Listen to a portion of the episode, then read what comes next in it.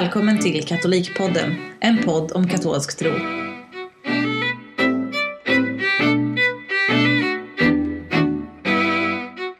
Ja, hej och välkomna till Katolikpodden. Eh, idag med mig Patrik.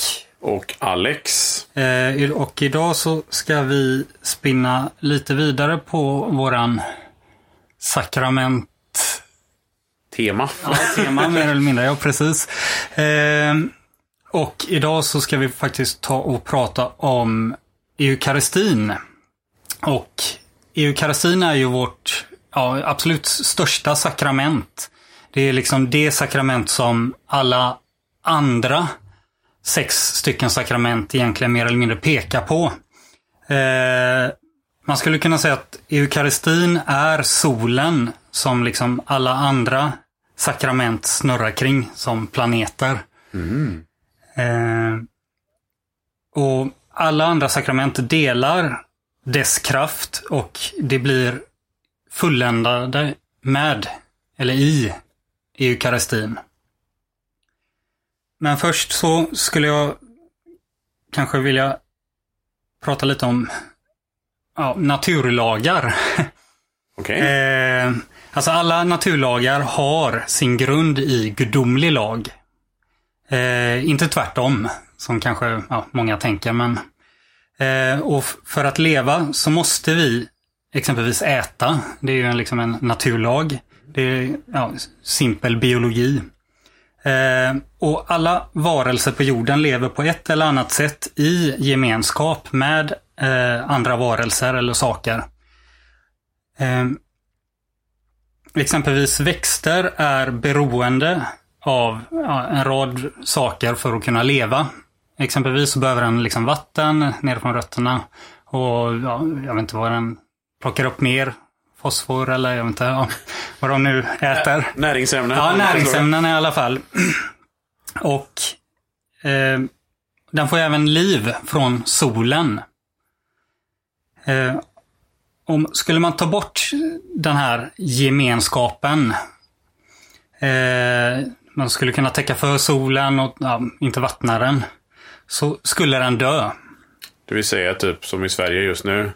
Eller inte just nu, nu är det soligt faktiskt men torrt. Annars i Sverige så brukar det vara ingen sol. Exakt. Men nu har vi fått lite av båda. Precis, nu är det väldigt grönt ute. Eh, och tittar vi på ja, naturlagarna bland djuren så kanske det blir ännu tydligare. Och då, eh, det, de behöver liksom näring också. Um, och det gäller även oss. Vi behöver få näring. Och likadant är det med vår själ. Den behöver också precis lika mycket näring. Och det är här någonstans där eukaristin faktiskt kommer in. Den är våran näring. Och själva eukaristin går ju tillbaka till den absolut, alltså apostolisk tid. Alltså de absolut första kristna firade eukaristin. Alltså samma eukaristi som firades av ja, exempelvis våran första påve Petrus i Jerusalem eller i Antiochia eller Rom är samma eukaristi som vi firar idag. Eh, och det är faktiskt samma eukaristi som vår Herre Jesus Kristus faktiskt firade kvällen före sin död. Som vi ju pratade om också när vi pratade om, om påsken. Ja, precis. Tridum Sacrum. Eh, avsnitt. Den kan ni gå in och lyssna på om ni inte har gjort det. Eh, för just kvällen före sin död så tog Jesus bröd och sade detta är min kropp. Sedan tog han bägaren med vin och sade detta är mitt blod. Eh, och vad, vad betyder allt detta egentligen? Alltså menar han verkligen att vi ska äta hans kropp och hans blod? Eh, Och detta är ju precis, detta är en, en väldigt intressant fråga för det är också någonting som icke-kristna och redan från, från urkyrkans tid ju tyckte var väldigt konstigt. Att de redan från i urkyrkan så anklagades de för kannibalism och ja, utanför kyrkan förstår man ju inte riktigt det här än idag heller oftast. Nej precis. Även bland många kristna. Ja, det, det är också sant. Så att, eh, ja. Eh, man kan ju gå tillbaka lite i evangeliet. Eh, när, inte verkligen i, liksom i slutet innan hans död, men i till Johannes 6 så pratar Jesus just om detta. Man ska om man tar och läser hela liksom, eh, kapitel 6 i Johannes evangeliet. Märk väl att Jesus han pratar inte i metaforiska termer eller bild, i någon slags bildligt tal. Utan han pratar i väldigt konkreta termer om att vi ska äta hans eh, kropp och dricka hans blod. Eh, det som har liksom skett innan det är ju liksom brödundret. För att sen göra en poäng där han säger att han, han beskriver liksom sig själv som livets bröd. Och han fortsätter säga, den som äter av det brödet ska leva i evighet. Brödet jag ska ge är mitt kött. Och man ska även lägga märke till hur judarna som liksom lyssnade på detta, hur de uppfattar det. De uppfattar inte det heller metaforiskt eller bildligt. De tar det verkligen som att han menar det konkret. Eh, och de blir ju liksom upprörda och väldigt liksom skandaliserade. Alltså hur, hur kan han säga det här? Eh, och Jesus, han, han, han backar inte. Han, han, han säger nej, nej, nej, nej. ni, har, ni har bara liksom missuppfattat allting jag har sagt. Jag menade det här bara bildligt. Ja. Utan han står på sig. Och, och även när de liksom börjar hota och liksom mer eller mindre överge honom. Vilket ju många gjorde. Eh, står det väl där också. Ja, många precis, lämnar precis, honom. Precis. Då. Eh, utan han står på sig och han säger, alltså han, alltid i evangelierna när han säger, börja med så här sannerligen. Eh, då vill han verkligen liksom trycka på det ordentligt. Att han, ja. Utan han säger sannerligen, jag säger er, om ni inte äter människosonens kött och dricker hans blod, äger ni inte livet. Den som, äger mitt, eh, den som äter mitt kött och dricker mitt blod har evigt liv och jag ska låta honom uppstå på den sista dagen. Ty mitt kött är verklig föda och mitt blod är verklig dryck. Den som äter mitt kött och dricker mitt blod förblir i mig och jag i honom. Och när väl eh, många hade lämnat honom så vänder ju han sig faktiskt till eh, sina tolv lärjungar, eh, liksom sin innersta cirkel och frågar om de också ska lämna. Eh, och då, då kliver ju Petrus fram och talar liksom för alla när han säger Herre, till vem skulle vi gå? Du har det eviga livets ord. Mm. Och det, det är så talande hela den här passagen just hur, för att Jesus använder ju annars ofta liknelser på olika sätt för att förklara Guds rike är som och så vidare. Eh, men eh, här gör han ju verkligen inte det och det, det är också väldigt talande att för att verkligen konkretisera att det här, det är som du säger att nej, nej, jag, han, det här är inte missförstått. Utan det här är verkligen, det är verkligen så här. Han menar det här på fullt allvar. Exakt, sannoliken. Sannoliken, precis.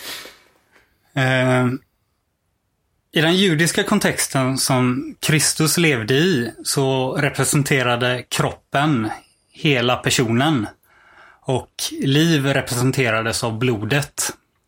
Så genom att ge av sig själv, alltså hans kropp och blod, så vill han ge oss själva livet.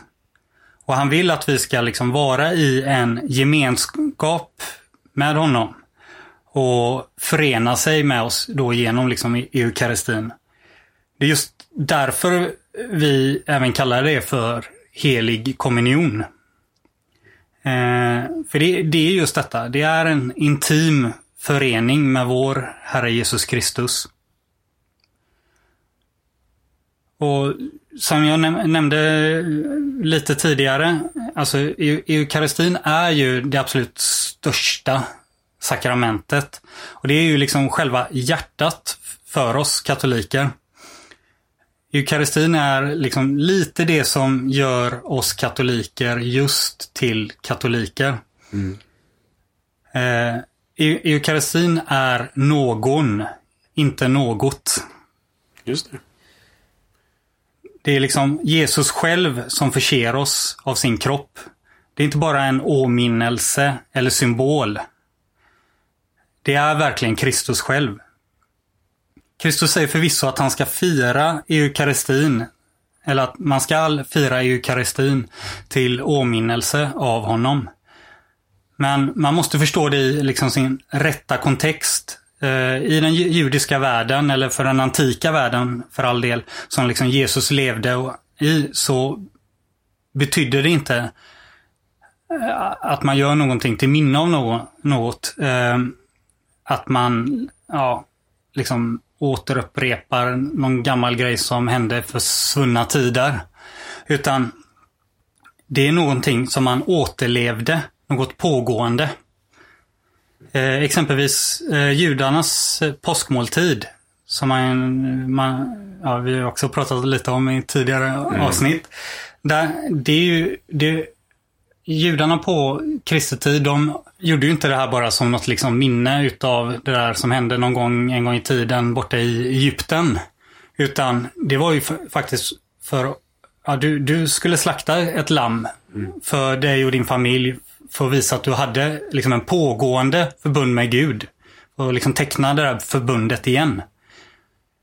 Precis, det, det, de gjorde ju verkligen det varje år. Och påskmåltiden var ju en del av detta också. Det var ju inte bara en måltid som vi kanske äter påskmat idag. eh. För att det är gott med mat. Utan det var ju en del av, av det förnyandet av förbundet också som, som Herren då hade uppmanat dem till. Precis. Med bittra örter och ät i hast och allt, allt som ingick. Ja. Och det, det blir kanske väldigt lätt som liksom icke-katolik att liksom slå ifrån sig det hela. Liksom. Alltså hur kan Gud som för länge sedan liksom skapade jorden vara i alltså den här lilla, lilla hostian? Eh, hur kan Gud, han är väl kanske något liksom spirituellt väsen någonstans liksom. Eh, hur kan han vara i brödbiten? Och svaret är helt enkelt för att Jesus säger så. Alltså, han som är sanningen säger att det är så. Oh ja. ja. Och För det, det Själva bröd, bröd, hostian som så, alltså den ser ju ut som en som en brödbit. Eh, den smakar som en brödbit. Den luktar som en brödbit. Eh, och liksom själva brödbiten ändras ju inte. Alltså tar du ett mikroskop, alltså du kan ta det häftigaste mikroskopet som finns. Eh, och zoomar in på en konsekrerad hostia så kommer du inte liksom hitta kött och ben och människoceller och så vidare. Utan Förutom vid eukaristiska mirakel. Ja, men det Eh, att, att det faktiskt förvandlas till, till kött. Det Ja. har ju också hänt. Precis, förvisso. Eh, utan själva, det är själva substansen av brödet som blir förändrat. Eh, och det, det finns, alltså du nämnde eukaristiska mirakel, men det, det finns inget större mirakel egentligen på vår jord än just i eukaristin. Eh, alltså, allting säger ju att ja, våra sinnen, allting säger ju att det här är ju en brödbit.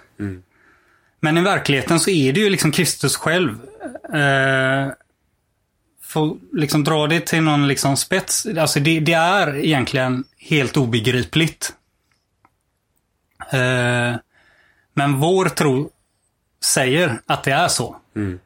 Ja, men, och det, jag menar, det säger vi i mässan också under den eukaristiska bönen. Så säger ju prästen trons mysterium. För det här är ju trons mysterium att brödet blir Kristi kropp och blod på riktigt, på, på fullaste allvar.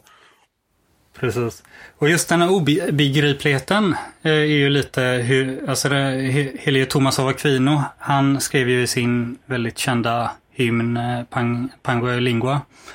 Eller ja, i just näst sista stycket så i den här delen som är mer Tanto Tantomergo som många känner igen den. Så eh, har han just skrivit Prestet fides supplementum sensum defectui. Vilket är, på svenska ungefär betyder mot tron komplettera med det som sinnena inte förmår. Eh, och det är ju lite så, alltså vi som katoliker, vi älskar att bryta ner allting, alltså till minsta beståndsdelar. Vi ska liksom eh, lyfta på alla lock som finns bara för att liksom känna tron mera istället för ja, exempelvis de ortodoxa som bara, nej men det är ett mysterium, vi behöver inte liksom gå in på detaljer. Vi vet att det är Kristus, punkt. Ja. Och men även om vi nu ändå pratar om, om eh, hymner på temat så även ehm, uh, Adorato Devote. Som, Ja. Är den också skriven av, av Thomas? ja, jag har för mig det. Ja. Eh, alltså som heter i eh, Cecilia, den finns både på latin men på svenska Herre jag dig tillber. Jag tror att den är nummer 345. Det är också så otroligt vackert målande språk som verkligen förklarar detta. Liksom, hur, hur, hur, eh, hur vi med bara sinnena inte kommer hela vägen. Utan att vi med tron behöver förstå detta. Precis. Och Kyrkan har ju försökt i liksom 2000 år att förklara vad det är som faktiskt händer. Eh, och, och vi har ett ord för det. Eh, och det är ju transsubstantiation. Eh, alltså vilket, ja, det kan ju översättas ungefär liksom, eh, eller som liksom en förändring av substansen. Alltså, och det, det, vi menar med det är ju att den inre, alltså substansen, förändras. Och liksom det yttre, storlek, smak, lukt, allt och så vidare, det kvarstår. Och, men samtidigt så tror jag att vi nämnde just det här med trons mysterium innan. Eh, och jag tror att katoliker har en eller kan ha en tendens att liksom glömma lite mysteriet i det hela. Även om vi säger det varje mässa, men man kanske inte riktigt liksom reflekterar helt och fullt kring det. Eh, men det är just därför vi katoliker lägger sånt krut egentligen på eh, och fokus på mässan. Det är därför vi dekorerar kyrkan. Det är därför prästerna har sina fina mässhakar. Och kanske därför kören har övat så liksom. Eh, vi måste förbereda liksom allt för detta. Och i Gamla Testamentet så var det oftast en präst liksom som förmedlade någonting eh, gentemot Gud. Eh, men i själva eukaristin så är det ju liksom Kristus själv som är förmedlaren. Han är liksom superprästen. Liksom. Precis. Det, tror jag, det tror jag att eh, de nämnde i förra avsnittet också. Just det här hur Kristus verkar genom prästen. Liksom. Precis som han gör det i bikten. Så gör han det inte minst just när i, genom prästen un, under mässfirandet. Precis. När, när, ja, när han vi ger oss del av honom rent, rent konkret själv. Precis. Det är Kristus som gör det, det är inte prästen som gör det. Precis. Det, det kommer säkert komma upp i kommande avsnitt om just vigningens sakrament också. Så att det, Vi hoppas det. ja. Ehm. Men varför valde Kristus att komma under brödet och vinets gestalt? Alltså, bröd och vin är en ganska liksom, universell symbol för gemenskap och liksom, nä, att få liksom, näring. Ehm, många antika kulturer använder oftast liksom vin eh, Eh, på grund av alkoholen för liksom rena och tvätta sår och liknande. Så på ett sätt, det liksom upprätthåller, det läker, det ger näring. Och det man ska komma ihåg är att man sätter ju sig aldrig ner tillsammans med en fiende och får äta en måltid med denne. Ja, det- händer väl kanske i väldigt extrema fall, men... eh, Kristus kallar oss ju till, till att älska våra fiender. Men det behöver inte nödvändigtvis eh, betyda att sitta ner och äta middag med dem. Nej, så Kristus, han liksom upprättar eu- eukaristin i formen av en gemenskapsmåltid, alltså en familjemåltid. Han liksom inkorporerar Gamla Testamentets påskmåltid, liksom med bröd och, ja, och lamm. Och i Gamla Tes- Testamentets påskmåltid så blir aldrig måltiden fullständig om du inte hade liksom ätit utav lammet. Och i, i, i eukaristin, där, där tar ju Kristus allt detta och, och gör det så verkligt som det bara liksom kan bli när han liksom förser oss med sig själv. Eh, och inte liksom något, ja, något lamm som är ute och betar utanför något. Utan det är han som är lammet. Precis. Som, som, som vi har pratat om tidigare också. Det är liksom det sanna lammet som verkligen full, fullbordar det enda rätta offret. Ja. Som, som, eh, som det gamla förbundets eh, offer aldrig kunde liksom nå upp till. Yes. I Gamla Testamentet så var ju liksom ätandet av lammet det som symboliserade och liksom skapade det här liksom heliga förbundet med Gud. Ytterligare en aspekt av eukaristin eh, utöver den här då, liksom påskmåltiden är ju offret. Vi har ju pratat en del om det som sagt i tidigare avsnitt men eh, det är ju liksom det eviga offret som Kristus gjorde på korset och Golgata. Och Kristi offer på korset blir ju verkligen verkligt närvarande på altaret under mässan. Och i mässan så uppoffrar vi oss tillsammans med Kristus upp till Fadern för att på så sätt liksom skapa det här, ett heligt förbund även där. Och men för att kunna liksom ta emot eukaristin krävs två saker. Har du koll på vilka? Ja, det ena är väl eh, det de pratade om eh, i förra avsnittet. Alltså bikten, att man är i nådens tillstånd som det heter. Yes. Eh, och det andra är väl att man är praktiserande katolik. Ja. Tror jag. Precis, Ja. stämmer bra. Det är en form av liksom tro, trosgemenskap. Alltså att vi är praktiserande katoliker. Exempelvis när prästen håller upp den eh, konsekrerade konsekrerar hostian, när man ska ta emot kommunionen, så säger han ju liksom Kristi kropp. Och ja, man svarar ju amen. Och när vi liksom säger amen så säger vi inte bara liksom amen till att det är Kristi kropp där. Som, man, som prästen håller i. Utan vi säger även amen till vad kyrkan lär. Som en del av Kristi mystiska kropp in, in, så liksom ingår det att tro på vad kyrkan lär. Men också försöka leva efter det så gott som det går. Och det, det är just detta vad en, liksom en praktiserande katolik är. Just det. Ja, och det, det, visar, det framgår ju också i mässan på andra sätt. Alltså dels genom att eh, i, i instiftelseorden så säger man att blodet som blir utgjutet för er och för de många. Och inte som man eh, väldigt medvetet och slarvigt ibland översatte det till efter liturgireformen till alla. För det har, man, det har kyrkan aldrig menat, utan för er och för de många. Ja. Det är liksom inte fritt fram hur som helst. Men också när prästen håller upp hostian och säger eh, Se Guds lam som borttager världens synder. Saliga det som är kallade till Lammets måltid.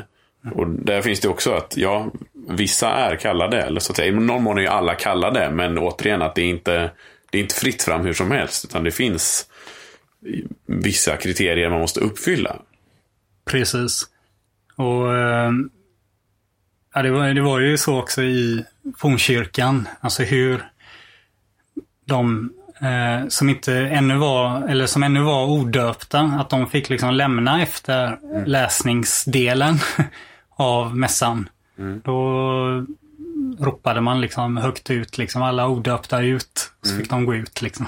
Och är det, är det så fortfarande, du har lite bättre koll på ortodox liturgi, är det så att man fortfarande har det här momentet att man ropar dörrarna? Ja, jo. ja. Ja, eh, jag har hört att det är så. Jag aldrig... Ja, för det har jag också, men jag tänkte, jag har Men, inte eh, stenkoll, men men- jag tänkte om du visste definitivt. Nej, men jag, jag tror att det, den, den finns kvar. Alltså just att man ropar det. Men man, bör, det, man behöver inte gå ut om Nej, man nu inte. råkar vara odöpt. Det är liksom ingen som kontrollerar. Men det finns ju även i de lägre vigningarna eh, tidigare som vi hade liksom inom kyrkan innan eh, eh, reformen, ja, liksom på 70-talet egentligen. Och det, där den absolut lägsta, eller första vigningen var ju just att man var liksom dörrvakt. Just det. Ja, Ja, det är det det innebär. Det för jag har aldrig riktigt fattat vad det handlar om. Ja, det är det det innebär förstås. Just Ja. det. Ah. Så det är en gammal kvarleva egentligen från den tiden. Jag har alltid tyckt att det är konstigt så här. Vakta dörren till, till, till vadå? Liksom? Ja, eller till precis. klostret eller vadå? Ja, jo. ja, men lite så också. Det är väl för att hålla ute fientliga Ja. krafter också Ja, ja, men, nu, ja, men det, det it makes sense. Ja. Eh, och sen Alex, du, du nämnde ju också att man behöver vara i nådens tillstånd för att ta emot eukaristin. Alltså man behöver ha någon form av liksom livsgemenskap. Och Kristus vill ju att vi ska vara perfekta så som hans fader i himlen är perfekt. Och om vi faller ur liksom nådens tillstånd, alltså vi, vi syndar eh, på ett sånt sätt, eller på så att vi liksom bryter den här eh, relationen som vi egentligen har med Kristus. Alltså man brukar ju vanligtvis kallar det för liksom dödssynder. Och den, i så fall så behöver ju den här relationen liksom återuppbyggas. Och det görs ju genom ja, då bikten som du nämnde. Och väl där så kan vi ju faktiskt kunna liksom komma fram och kan faktiskt ta emot kommunionen.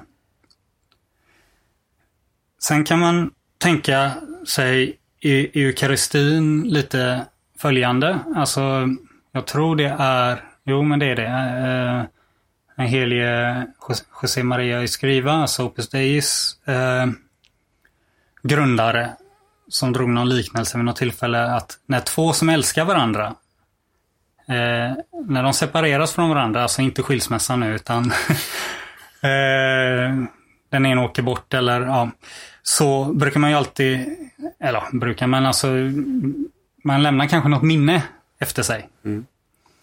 Det kan vara ett fotografi eller ett brev och så vidare. Och visst, de är, som älskar varandra, de kan ju ta det här fotografiet kanske, ja, jag vet inte hur man gör med det, pussa på det eller ja, kysser det och så vidare. Man läser det här brevet 10-20 gånger om och så vidare. Kristus lämnade ju också ett minne av sig med Mm. eukaristin. Och han lämnade ju inte liksom något fotografi eller något brev eller vad det nu kan vara. Utan han lämnade ju sig själv. När han säger att han ska vara med oss alla dagar till tidens slut så menar han det bokstavligt. Han är med oss i eukaristin med sin närvaro där. Och exempelvis om vi säger att Vatikanen gick liksom ut imorgon med att ja men nu, nu kommer liksom Kristi återkomst här. eh, och alla nyheterna bara trummar på. Du, du, du, du. Klockan, eh, klockan 11 på Tullgatan i Östersund. Där, där kommer han. Alltså, man, man skulle göra vad som helst för att komma, komma dit. Alltså man, man skulle boka, eh, tagit ledigt från jobbet, packat in familjen i bilen, åkt dit eller, eller ja, bokat flygbiljetter, eh, tågbiljetter och verkligen försökt verkligen vara där. Och, men samtidigt så kommer han ju till oss i, i, i, i eukaristin varje söndag eller varje dag om man nu liksom firar Precis, det är daglig det. mässa. Det är ju det att det är verkligen alla dagar till tidens slut har vi ju firas ju mässan. Och han är verkligen där eh, alla dagar till tidens slut. Precis, i din lokala katolska kyrka. Sök upp Precis. honom. Ja, men och det, det är ju också det här. Jag tror jag kanske har sagt det någon annan gång. Att det här om söndagsplikten. Hur det är verkligen, det är ju inte en, det är ju inte en plikt i första hand. Det är ju ett privilegium. Det är ju verkligen söndagsprivilegiet. Att vi får gå till kyrkan söndag efter söndag och möta vår Herre och ta emot Kristus själv. Det, det är ju verkligen det är, en, det är en plikt för att det är en god vana och för att det är ett privilegium och därför formulerar kyrkan det på det sättet. Men det är ju verkligen ett privilegium i första hand. Precis. Att liksom få möta Kristus i kropp, i blod, i själ och i gudomlighet. Alltså, man tänker kanske på himmelriket som någonting som liksom händer eventuellt eh, efter döden. Men eh, som sagt, varje söndag, varje dag så kommer ju faktiskt himmelriket till oss. Se även tidigare avsnitt om mässan som himlen på jorden. Yes. Eh, och det, det, är ju liksom ett stort mysterium i hur himmelriket kan komma till oss.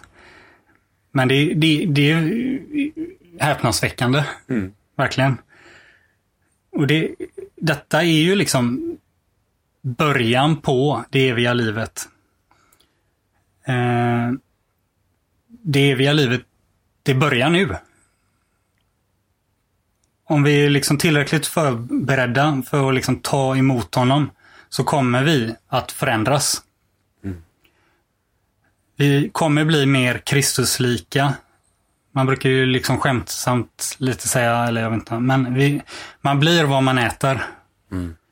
Och man ska minnas att eukaristin är en enda stor helgonmaskin som nu har liksom snurrat i 2000 år.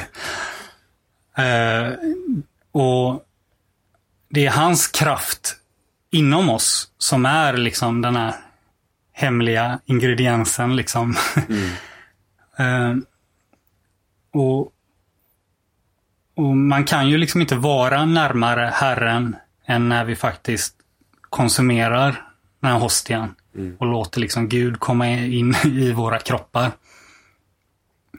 För just eukaristin är ju ytterst en helig kommunion. Och med detta menas att det är genom den som Gud omfamnar att det är liksom genom den som eh, Gud liksom omfamnar oss på ett sätt och till den grad att vi kan efterlikna honom till hans avbild. Det är liksom, det är hela anledningen till att vi är katoliker. Mm. Det är hela anledningen för hela eukaristin. Och, och det är hela anledningen för Jesu heliga och eviga offer. Amen. Amen, ja. Nej, så Ja, ska vi säga något mer eller ska vi bara... Nej, men I så fall så är ju Katolikpodden slut för idag. Så jag, Patrik och Alex tackar för idag och mm. gå, gå till kyrkan och ta emot eukaristin när ni, kan, när, när ni har möjlighet. Ja, ta vara på det privilegiet. Tack för idag. Tack. Du har lyssnat på Katolikpodden. Du kan nå oss på katolikpodden gmail.com.